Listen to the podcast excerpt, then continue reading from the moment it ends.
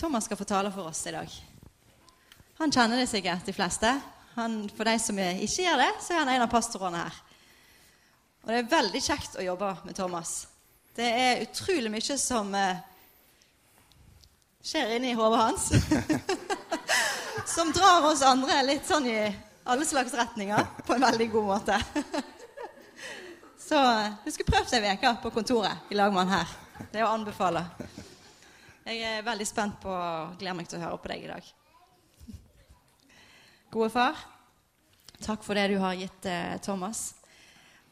Jeg ber om at din eh, ånd er sterkt til stede og forklarer ordet for oss og gir oss lydhør for budskapet i dag. Amen. Ok, Jeg har òg gleda meg vanvittig. For det skjer så vanvittig mye i hodet mitt så jeg skal få ut nå. Det er synd for dere og bra for meg. I eh, e-posten som, som, gikk ut på fredag om gudstjenesten denne helga, sto det at jeg skulle undervise om visjon og husverket. Så hvor mange har liksom ut av det liksom skikkelig forventning? Det kjipe er at jeg skal ikke snakke om det i det hele tatt. Eh, så den forventningen får du på en måte ta litt seinere. Kan godt at jeg skal snakke om det en gang, men jeg skal snakke om noe annet. Jeg skal snakke om et eventyr i dag. Og Dette er noe som har uh, ligget på hjertet mitt siden i begynnelsen av juni. Uh, og jeg tror dette er et ord til oss, egentlig. Og jeg gleder meg vanvittig til å dele. Eventyr det er jo en, en, sjanger i norsken, har jeg lært. Uh, jeg husker veldig, veldig lite om hva et eventyr skal inneholde. Faktisk ingenting. Uh, det er sikkert noen norsklærere her som kunne hjulpet oss med det hvis vi hadde trengt det. Men uh, jeg skal ikke snakke om den type eventyr da, i dag heldigvis. Jeg skal dele litt om hvorfor livet vårt trenger et innslag av eventyr og spenning og risiko. Høres ikke det kjekt ut? Noen av oss er kanskje sånn at med en gang vi hører det der ordet risiko, så skrur vi egentlig bare av. Og det er helt, det er helt greit. Jeg har bare lyst til å henge med litt før dere skrur av. Så kan dere, hvis dere vil, skru av seinere. Men jeg skal, jeg skal, snakke om hvorfor vi trenger det. Og vi som er vant til å skru av når vi hører det ordet, vi kan gjerne høre litt om det før vi skrur av. Så kan du skru av senere. Et Google-søk på ordet 'adventure' det er engelsk for eventyr. Det gir oss sånne bilder som det. En haug med sånne bilder. Som jo er liksom, Det ser jo helt fantastisk ut. Det var liksom sånn Wow, wow hvorfor skal jeg velge? Og Disse bildene de viser jo et endemål. De viser slutten på en reise, om du vil. De viser når en er kommet fram, og da kan det være sånn at vi ser tilbake og så sier vi, dette er jo et, dette er jo et eventyr. Vi ser tilbake og ser på sluttproduktet, om du vil. Dette var et eventyr. Og Den forhistorien som, som har leda fram til at han her er kommet til denne toppen og har denne utsikten og forstår bare å nyte det, det har krevd noe av han. Eh, det har kanskje krevd noe risiko. Det har gjort at han kanskje har svetta. Han har kanskje skada seg litt. Eh, det har tatt ganske mye tid. Det har kanskje vært planlegging. Det har krevd noe å komme dertil som gjør at han kan se tilbake. Men han, han kaller det allikevel et eventyr i ettertid. Og Det betyr at det var verdt risikoen. Det var verdt de tinga. Det som det krevde å komme der. Det var verdt det. Hvis det hadde vært liksom bare tåke og han så ingenting, så hadde ikke dette bildet blitt tagga med eventyr. Det hadde ikke vært verdt det. Så endemålet gjør at de tingene som leder til endemålet, blir verdt det. Da kaller vi det for et eventyr. Noen sier kanskje at den kristne tro er et eventyr. Og Da mener de om det er oss at det er bare oppspinn eller fantasi, det vi tror på. Det er ikke det jeg skal snakke om i dag. Jeg skal snakke om denne reisen fram mot noe som kan gjøre at når vi ser tilbake på dette, så er det sånn Ja, det har vært det. Det har vært et eventyr. Og på mange måter så tenker jeg at det Rune og Cecilie nettopp har delt om, for dem har det vært et eventyr. Når de ser tilbake på det som skjedde, så var det et eventyr. Det var en reise fram mot noe. Og jeg tipper Det er sånne bilder de har. Ikke, det ser jo ikke sånn ut, men det er, det bildet som gir det inntrykket når de tenker tilbake på hva som skjedde. På slutten av sin tid på jorda så sier Jesus noe ganske grensesprengende til disiplene sine. Han sier følgende.: Sånn som Far har sendt meg, sender jeg dere. Det står i Johannes 20. Jesus slutta av tida si med disiplene med å peke bakover for å forklare noe om deres framtid. Så han sier sånn som far sendte meg fortid, sånn sender jeg dere i framtid. Han ble sendt hertil, og så sier han at han sender oss på samme måten som han sjøl var sendt. Og det gjelder faktisk for oss 2000 år etterpå òg. Jesus sier til deg i dag På samme måten som far sendte meg, sender jeg deg. Sånn som far har sendt meg, sender jeg deg. Og Det gjør jo at det blir litt, det blir, det blir litt sånn viktig for oss å få et, lite, et inntrykk av da. Hvordan var det far sendte Jesus? Hva var det han kom for å være og gjøre? Det lærer oss noe om hvordan vi skal være, og hvordan vi skal gjøre. Det er ganske viktig da, å ha et bilde av dette. Hva var det Jesus kom for? Hvorfor kom han? Hva var det han gjorde? For på samme måten er du sendt. På samme måten som han. På et sånt spørsmål om, som dette her, hvorfor ble Jesus sendt til jorda Dette vet jo ikke jeg, men det er helt sikkert haugevis av doktoravhandlinger om hvorfor Jesus kom. Skrevet bøker side opp og side ned. Og vi kunne sagt utrolig mye om hvorfor Jesus kom. Og Jeg skal prøve meg på en liten ting å summere opp det Jesus kom for, med én setning som Jesus har sagt sjøl. Som står også i Johannes evangeliet kapittel 14. Der har Jesus en samtale med disiplene, der Philip, en av de tolv, spør Jesus om Jesus kan vise dem far. Han spør Jesus kan du vise oss far. Så svarer Jesus den som har sett meg, har sett far. Hvordan kan du da si 'vis oss far'? Så Utgangspunktet her er Philip han er sånn Jeg lurer egentlig på hvordan, hvordan er Gud? Jeg ville hatt et bilde av hvordan Gud er, et inntrykk av hvordan han er. Hvordan kan jeg finne ut hvordan han er? Kan du vise ham til oss, Jesus? Og Så sier Jesus, ja, men hvis du har sett meg, så har du sett sånn som far min er. Hvordan kan du da spørre 'vis oss far'?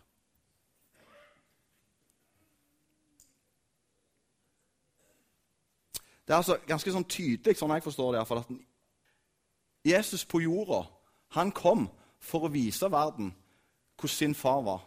Hans far. Det var han, var derfor han kom. Han kom for å gi et rett, sant bilde av hvem Gud er. Og derfor han levde. Han ville vise hvem Gud er. Og Jeg, jeg syns det er nydelig jeg. at når Gud liksom skal gi verden et bilde av hvem han er, så velger han å bli menneske.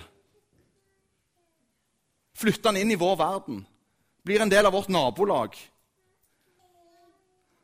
Og så er det sånn at De som møter denne personen, de får et bilde av hvem Gud er.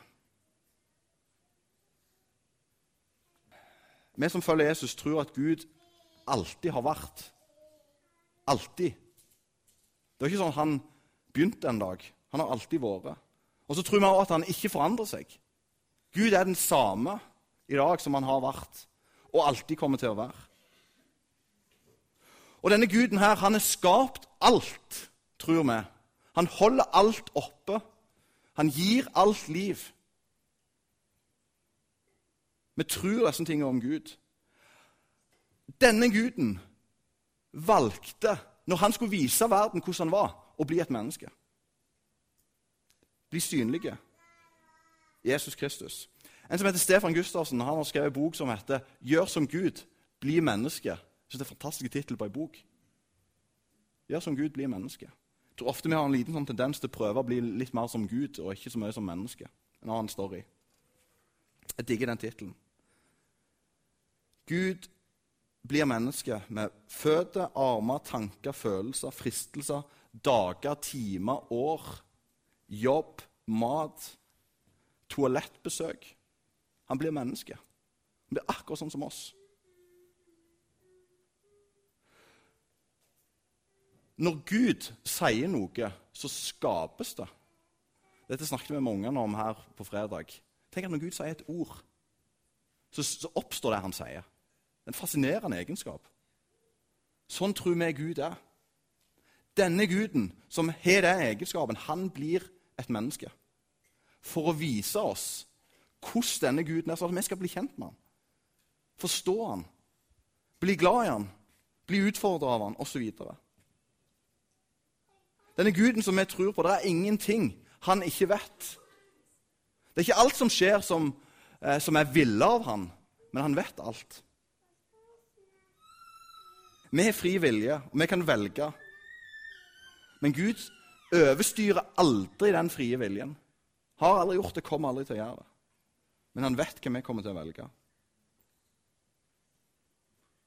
Og tanken er denne at denne guden som jeg har prøvd å beskrive sånn kort nå, han er vi meint å representere i Bryne i 2017. På samme måten som far har sendt meg, sender jeg deg. De som har sett meg, har sett far, har Jesus sagt. På samme måten som du er sendt, på samme måten som Jesus er sendt, er du sendt. Sånn at de folka som du omgås, kan få se Gud. Derfor er det vi lever. Derfor er det vi her. For de som vi møter, de som omgås oss, de som er rundt oss, de skal få se hvem Gud er. Det er viktig at vi vet noe om hvordan Gud er, og prøver å innrette livet vårt etter det. Vi kan lære ganske mye om Gud med å studere Jesus, bruke tid sammen, la oss forme av ham. Og Nå skal jeg prøve på et sånn lite sånn kunststykke. og Det er å gå liksom så langt bak i tid at vi, var, vi er før skapelsen. Siden Gud alltid har vært, så er det ganske lang, altså det ganske lang tid der før skapelsen, der Gud har eksistert. For å prøve å finne litt ut om hvordan er Gud egentlig Hvordan var han her før han skapte? Bibelen sier ikke uendelig mye om dette, men Bibelen sier faktisk en god del ting om hvordan Gud var før han skapte. Eh, og jeg tenker at Det er viktig for våre liv da, å ha et inntrykk av hvordan Gud var før han skapte. Si, si grunnen til at vi bor her og lever, er å gi et bilde av denne guden. Så er det jo greit å vite noe. Det, høres liksom greit ut? Flott. Jeg var nettopp på en slags på en ledersamling sammen med pinsevenner. Det er jo et kultursjokk. Eh, fordi entusiasmen er, altså der er det sånn Hvis taleren sier noe bra, sånn som jeg gjorde nå, så er det det er liksom vill jubel i salen. Jeg blir liksom helt sånn og jeg, jeg, tenkte på det når jeg så det i bilen hjem, men nå, dette, nå kunne jeg karik karikatert oss sjøl vanvittig. For meg er det sånn, Hvis noen sier noe bra, så er det litt sånn hmm. Det er litt sånn. Det er i hvert fall sånn jeg er. Det, ja, mm, ja, bra, det var djupt. Og så hadde jeg tenkt, å, det vært greit hvis noen bare liksom hadde sagt Ja, Thomas! liksom, Det hadde, det hadde jeg likt. Så kan være jeg blir pinsevenn, da. Få se. Vi trenger å vite noe om hvordan Gud er. Helt i begynnelsen i fortellingen om Gud, som er så i begynnelsen at det faktisk er på den første sida i min bibel, så står det en, en liten detalj. Første Mosebok, kapittel 1, og vers 26. Gud sa La oss lage mennesker i vårt bilde, så de ligner oss. Gud sa, la oss lage mennesker i vårt bilde, så de ligner oss. Gud snakker om seg sjøl som et flertall. Altså, Vi, vi retter jo på ungene våre når de gjør det. Gud sier, 'La oss lage mennesker i vårt bilde, så de ligner på oss.' Tre ganger gjør han det i samme setningen. Han omtaler seg sjøl som et flertall. Så dette er jo ikke noe, noe nyhet for oss. Eh, vi som har fulgt Jesus lenge, vi vet at vi er kristne. Vi tror på en Gud som er treenig, er liksom ordet vi bruker. Eh, de færreste der inne forstår jo hva det betyr. Jeg forstår det iallfall ikke. så Hvis noen liksom forstår det, så kan vi godt ta en kaffe. Men vi tror på en treenig Gud, sier vi. Og Utgangspunktet for den bekjennelsen om at vi tror på en treenig Gud, begynner her. Første Mosebok, kapittel 1, vers 26. Gud sier, 'La oss lage mennesker i vårt bilde, så de ligner på oss'.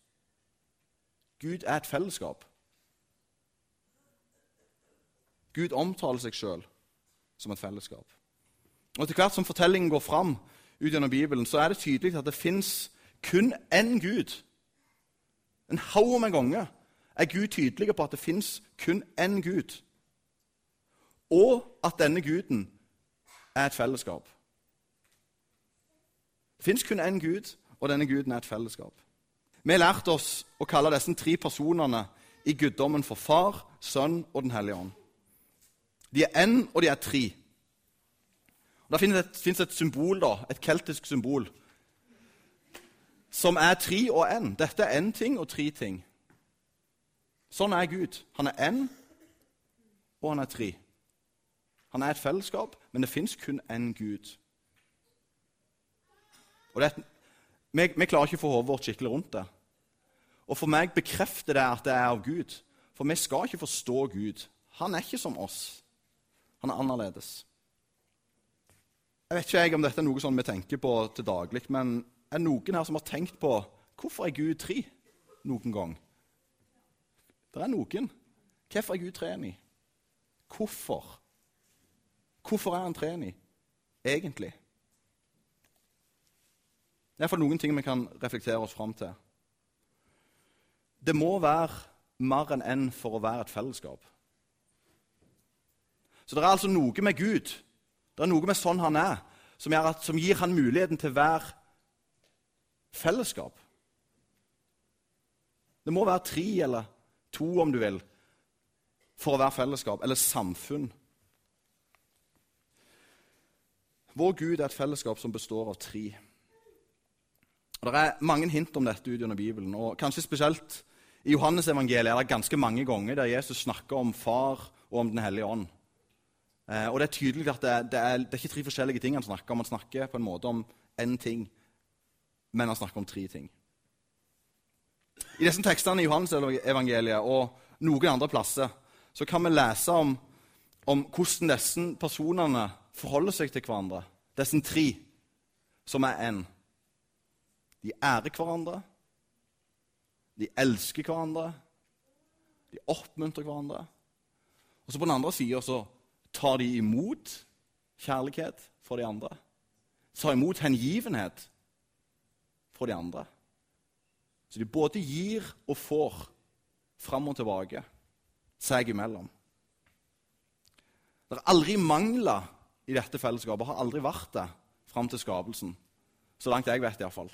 Det har vært fullkomment mellom disse tre. Dette fellesskapet som de er, som de lever.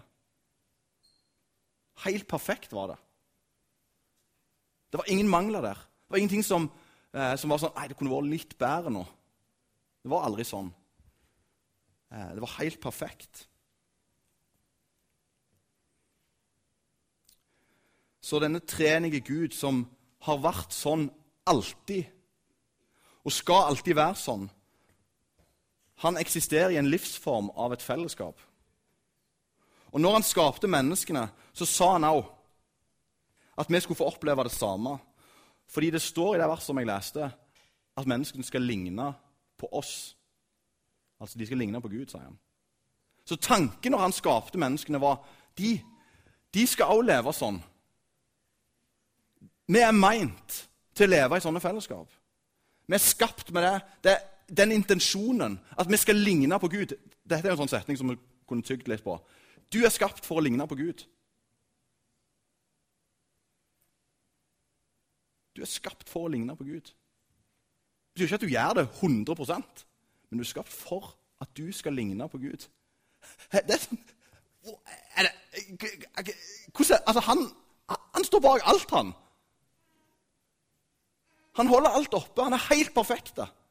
Du er skapt for å ligne på han. For meg blir det et sånt budskap av som, som, slår meg litt sånn eh, Det gjør meg ekstremt liten, da. Gud vil at du skal ligne på han. Og det betyr bl.a.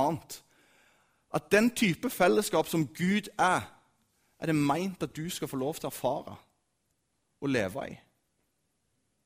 Du har en invitasjon over livet ditt til å komme inn i den type relasjoner som far og Sønnen og Den hellige ånd har seg imellom der de tar imot fra hverandre oppmerksomhet, godhet,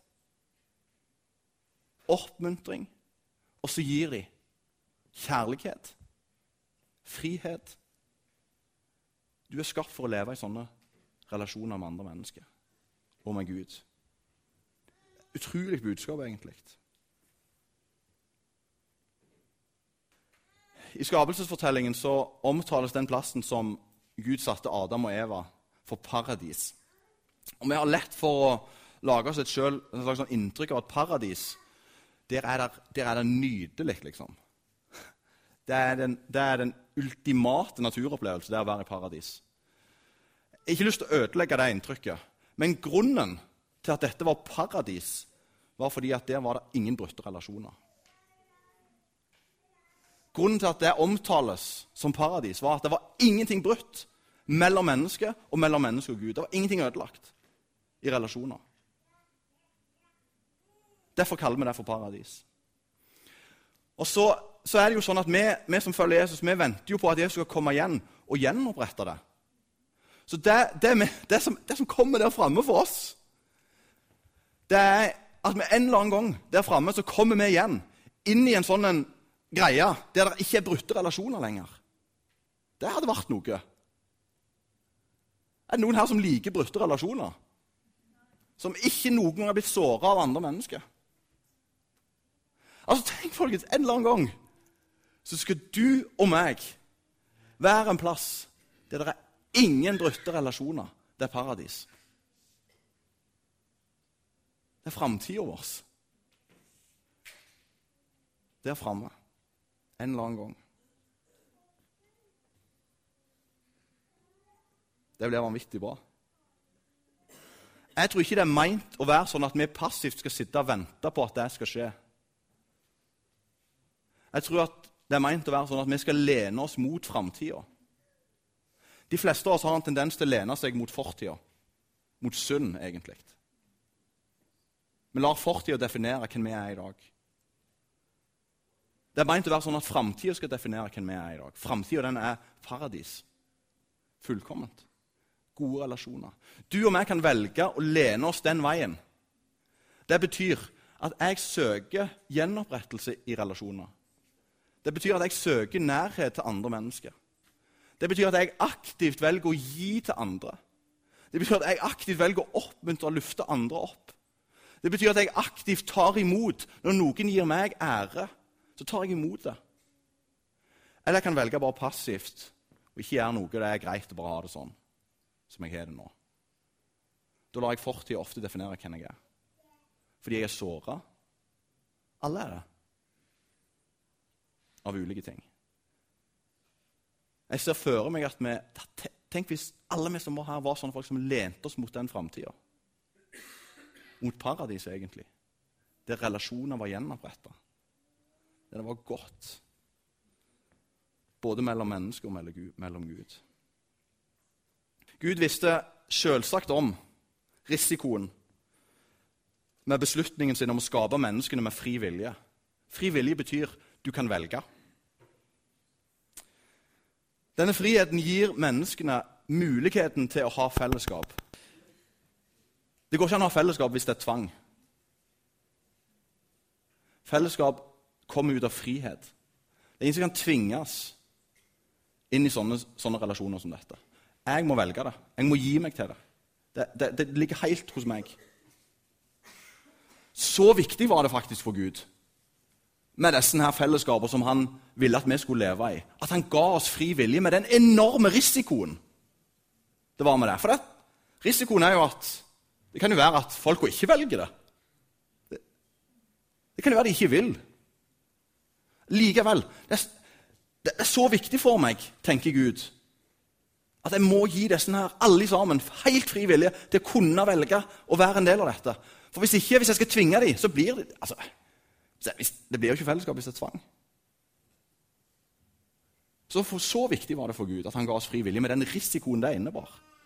Og vi vet jo også liksom, hva som har skjedd i noen tusen år. Det er ganske mange folk som velger å ikke ha fellesskap med Gud og med andre mennesker.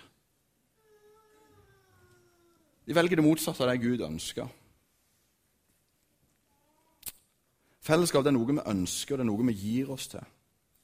Så denne treenige Gud skapte mann og kvinne for å gi et bilde av seg sjøl.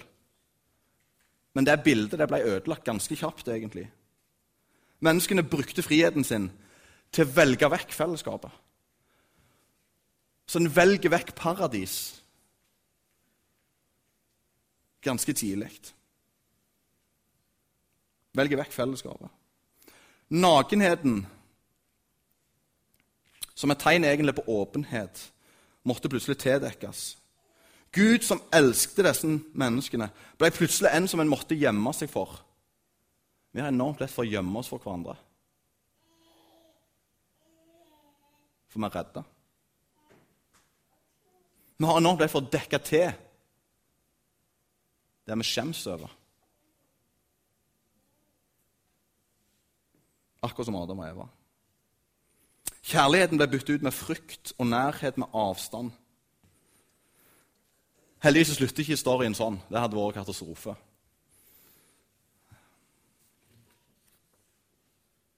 Som en konsekvens av det, det skillet som skjedde mellom Gud og menneskene Når Gud kastet Adam og Eva ut av paradis, så skjedde det òg noe mellom menneskene.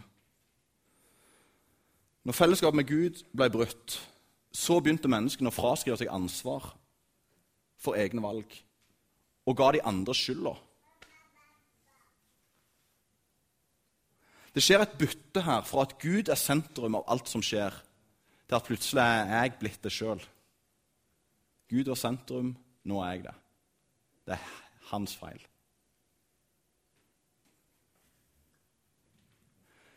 Strømmen av liv fra Gud blir brutt, og det flyter heller ikke noe mellom menneskene som det gjorde før. I plassen for å gi, så krever vi. I plassen for å leke, så sårer vi. I plassen for fred blir det krig. I plassen for å løse hverandre, så binder vi. I plassen for å sette den andre først, så setter vi oss sjøl først. I plassen for liv, så blir det død. Dette kjemper vi med hver eneste dag. Skal jeg være sentrum, eller skal Gud være sentrum? Jeg gjør iallfall det. Jeg kjemper med det hver dag. Og Den konflikten kommer vi til å leve i helt til den dagen paradiset igjen blir gjenoppretta. Valget om skal jeg være sentrum, eller skal Gud være sentrum av mine valg og mine prioriteringer? Indre konflikten. Og midt i den kampen der så har Jesus sendt oss på samme måten som far sendte han, til å representere Gud sånn som han er. Midt i den kampen, midt i den konflikten. I vår tid så er det enormt mye fokus på meg og mitt. Min nye iPhone, min bil, min hytte, mine klær, min tid, mine prioriteringer, mitt liv. Jeg drømmer om en dag der vi alltid ser og forstår oss sjøl ut ifra fellesskapet vi er i. De menneskene vi er sammen med, de forteller oss hvem vi er. Ikke hva jeg har, hva jeg lykkes med, hva jeg prioriterer. Meg sjøl, meg sjøl, meg sjøl. Plassen for jeget som definerer, så forstår vi oss sjøl ut ifra andre og fellesskap. Jeg tror det hadde vært vanvittig mye bedre for oss. Så Jeg skal, jeg skal komme med et sånn lite slags jeg vet ikke, hjertesukk eller vitnesbyrd, vet ikke hva du skal kalle det, eh, fra å snart ha jobba 20 år i menighet. Så har jeg faktisk lært, jeg har faktisk lært noen ting. Jeg har jobba 20 år med folk, og vi har gode tider. Eh, og vi har hatt krevende tider. Utfordrende ting. Dette er ikke noe jeg vet om dere vet, men etterpå nå så skal dere få lede det. det jeg skal si nå. I de fleste menigheter så er det vanvittig mange meninger om ting. Visste dere det? Nå vet dere det. I denne menigheten òg er det mange, meninger om alle ting. Det er sånn som dette. Jeg liker ikke dette. Jeg vil ikke ha det sånn. Jeg syns det var et dårlig valg. Jeg vil ikke huskirke. Jeg vil heller ha den type forkynnelse. Jeg mener at han eller hun skulle forkynt litt mer. Jeg vil at vi skal bruke mer penger på barnearbeidet. Det er veldig mye sånn. Jeg mener, jeg syns, jeg vil heller. Og for hver sånn en så er det au. Og jeg syns at det heller skulle vært sånn som dette. Så jeg vil ikke ha det sånn, men jeg vil ha det sånn. Jeg vil ikke ha det på denne måten, men jeg syns det var bra om vi gjorde det sånn. Jeg liker ikke de typer lovsanger. Jeg vil heller ha den type musikk. Jeg syns vi skulle holdt på heller i 20 minutter, ikke i 10 minutter. Så for hver jeg vil, jeg syns, jeg mener, så er det «au», Og jeg vil ikke ha det på denne måten. Sånn er det vanvittig mye av.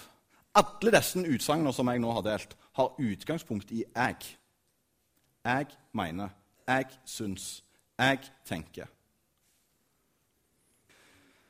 Og jeg, jeg, jeg har en slags sånn påstand, da. Jeg tror at egoisme og sjølsentrering er den største utfordringen i våre menigheter. Også i vår.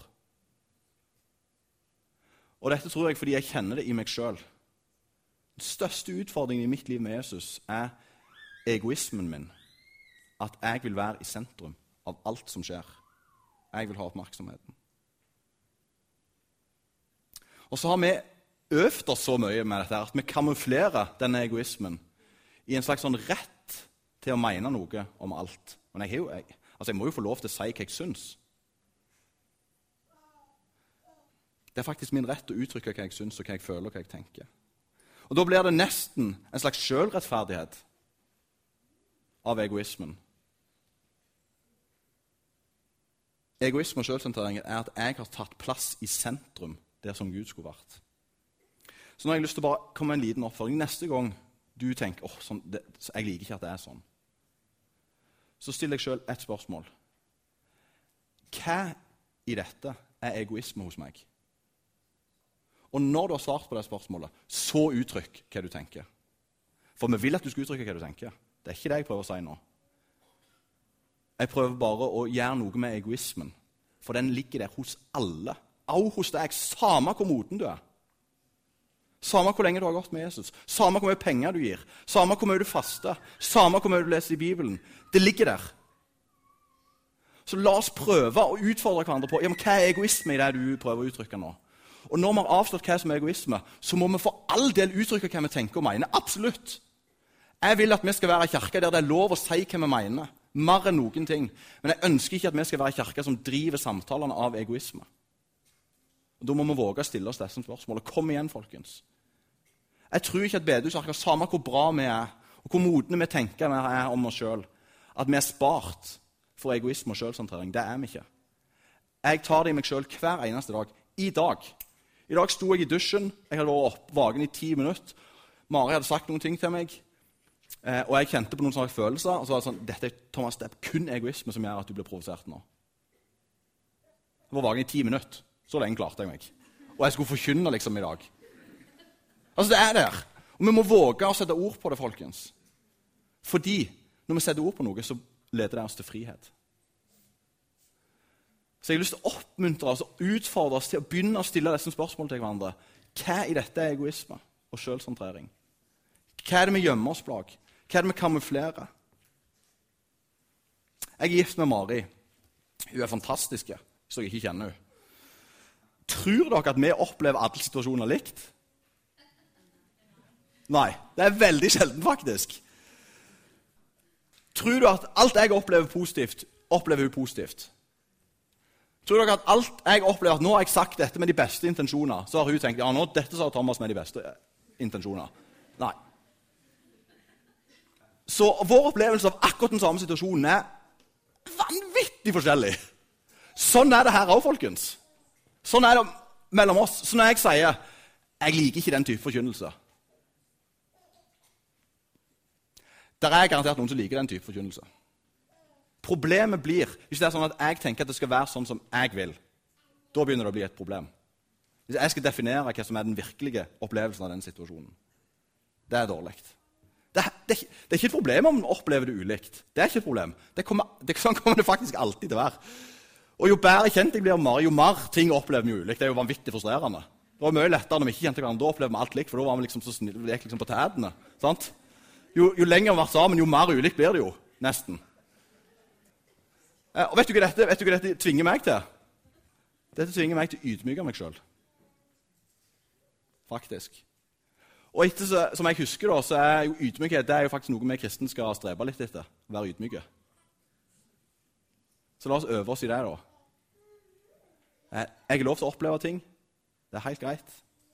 Ikke alltid min opplevelse er 100% subjektive. Objektive. Er dere med? Det er ikke alltid vi opplever ting likt. 'Målretta liv', er ei bok av en som heter Rick Warren. Mange har kanskje lest det. Det er vår tids mest populære kristne bok. Vet dere hva første setningen er i den boka? Det handler ikke om deg. Første setningen i liksom den mest solgte kristne boka de siste 20 åra. Det handler ikke om deg.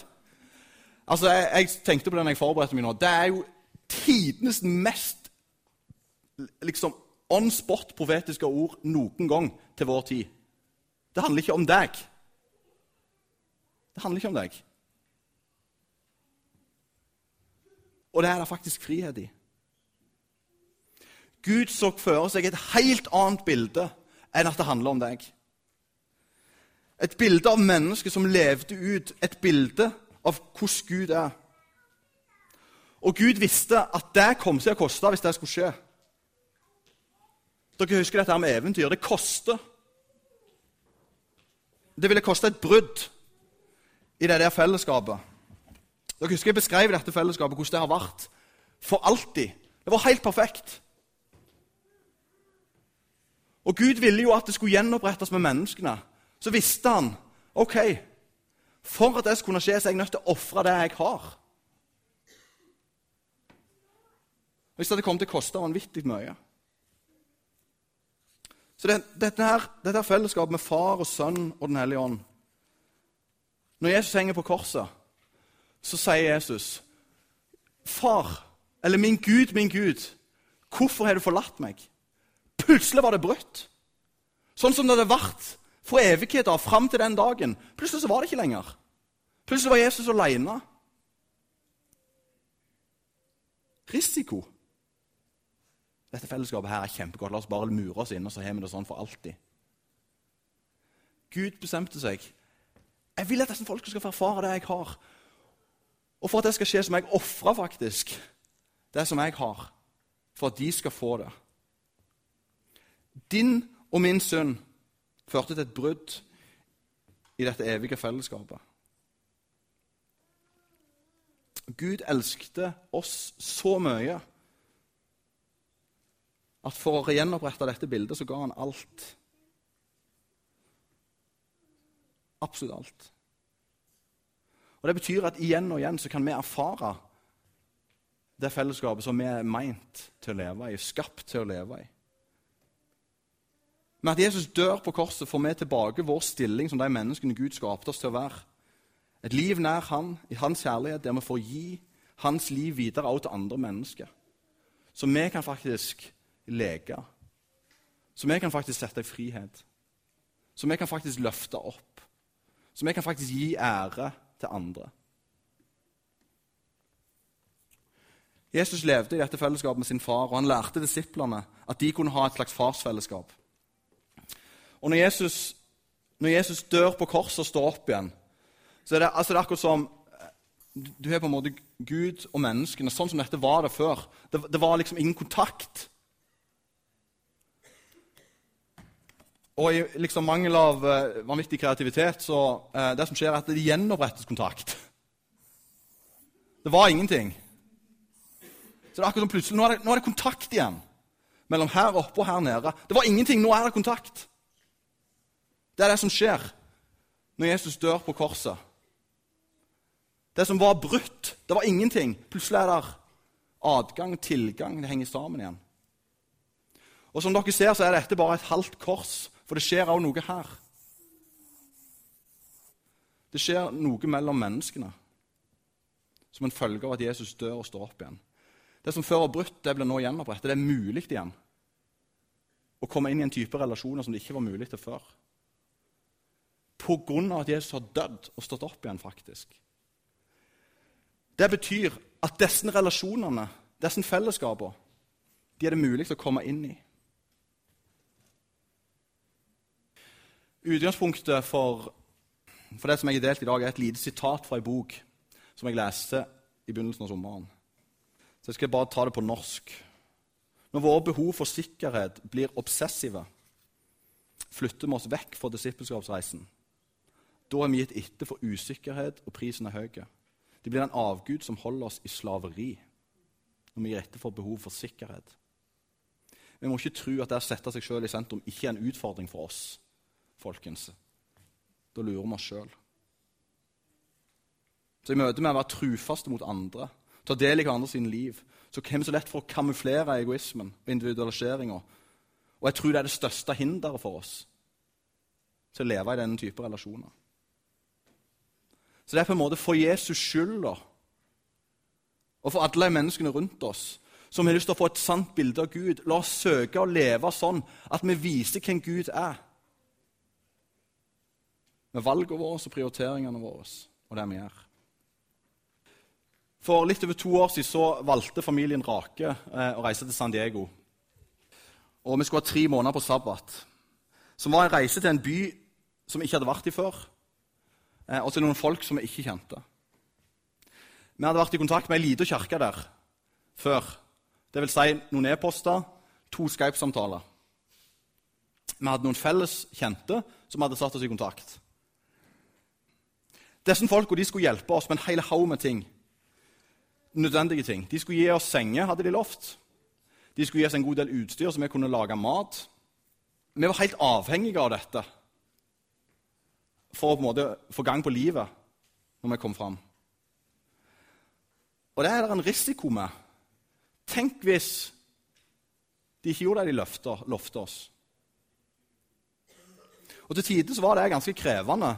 Når vi det i, eh, i, leiligheten vår den første kvelden vi kommet fra hotell på leilighet, og klokka var blitt kvart på ni, ungene skulle legge seg, og det var ingen senger ennå. Ingen dyne. Så er det sånn Shit, hva gjør vi nå? Det er en risiko med det. Det er disse folka gav oss, som jeg kan si i ettertid. Eh, de ga oss mat, de ga oss alt vi trengte, og mer enn det. Vi fikk låne bil av dem gratis. En dude plukte til og med opp Jeg er jo litt sånn kaffe-obsessive. At kaffekverna mi som jeg hadde med fra Norge, ikke funka på det amerikanske strømnettet. Selv om jeg hadde adapter. Det hadde han plukket opp. Han kom plutselig, her er kaffekvern. Han hadde jeg møtt én gang. Disse folk har gitt oss eh, noen av de viktigste minnene vi har. Og vi kjente det ikke før vi kom der. De har gitt oss et bilde av hvem Gud er, som vi aldri hadde opplevd hvis vi ikke tok noen risiko. Hvis vi hadde kontroll på alt, vi ikke trengte noen folk, så hadde vi ikke erfart det. Og for meg er det sånn, Når jeg ser tilbake på dette, så er det fortsatt det var et eventyr. Det var et eventyr. Og fortsatt er det sånn at jeg tenker, jeg skulle ønske at bare liksom av og til jeg fikk en sånn glimt av det der behovet for at Gud gjør noe gjennom noen andre mennesker. Her hjemme så velger jeg nesten alltid tryggheten og sikkerheten. Ha kontrollen sjøl. Og det blir ikke et eventyr. Mitt liv blir ikke et eventyr da. Det er mulig, folkens, å få noen oftere glimt av dette eventyret hvis vi velger å ta sjansen og risikoen og søke andre mennesker og være avhengige av de andre. Så skal vi reise oss opp. Kan lovsangsteamet komme fram. Så jeg tror invitasjonen ifra Gud i dag er egentlig bare Våg å ta risiko. Ta sjansen noen ganger. Kan være det blir et eventyr. Det blir garantert ikke et eventyr hvis du ikke tar sjansen. Det er Gud som inviterer oss til å ligne på Han, som vi er skapt til. Jesus, tusen takk for livet som du inviterer oss til å være en del av. Jeg har så lyst til at for, min, ikke, for min egen del, for oss alle sin del, at vi skal i mye mye større grad erfare eh, at du gir til oss de tingene vi trenger. La det bli mange historier om eventyr. Takk, Gud, for at du er her. Vi går inn i lovsang. Hvis det er noen som ønsker forbønn, så er det forbedere borte i sidesalen. Med litt korte tid, så fint så dere ikke drøyer for lenge før dere går fram til forbønn. Vær så god.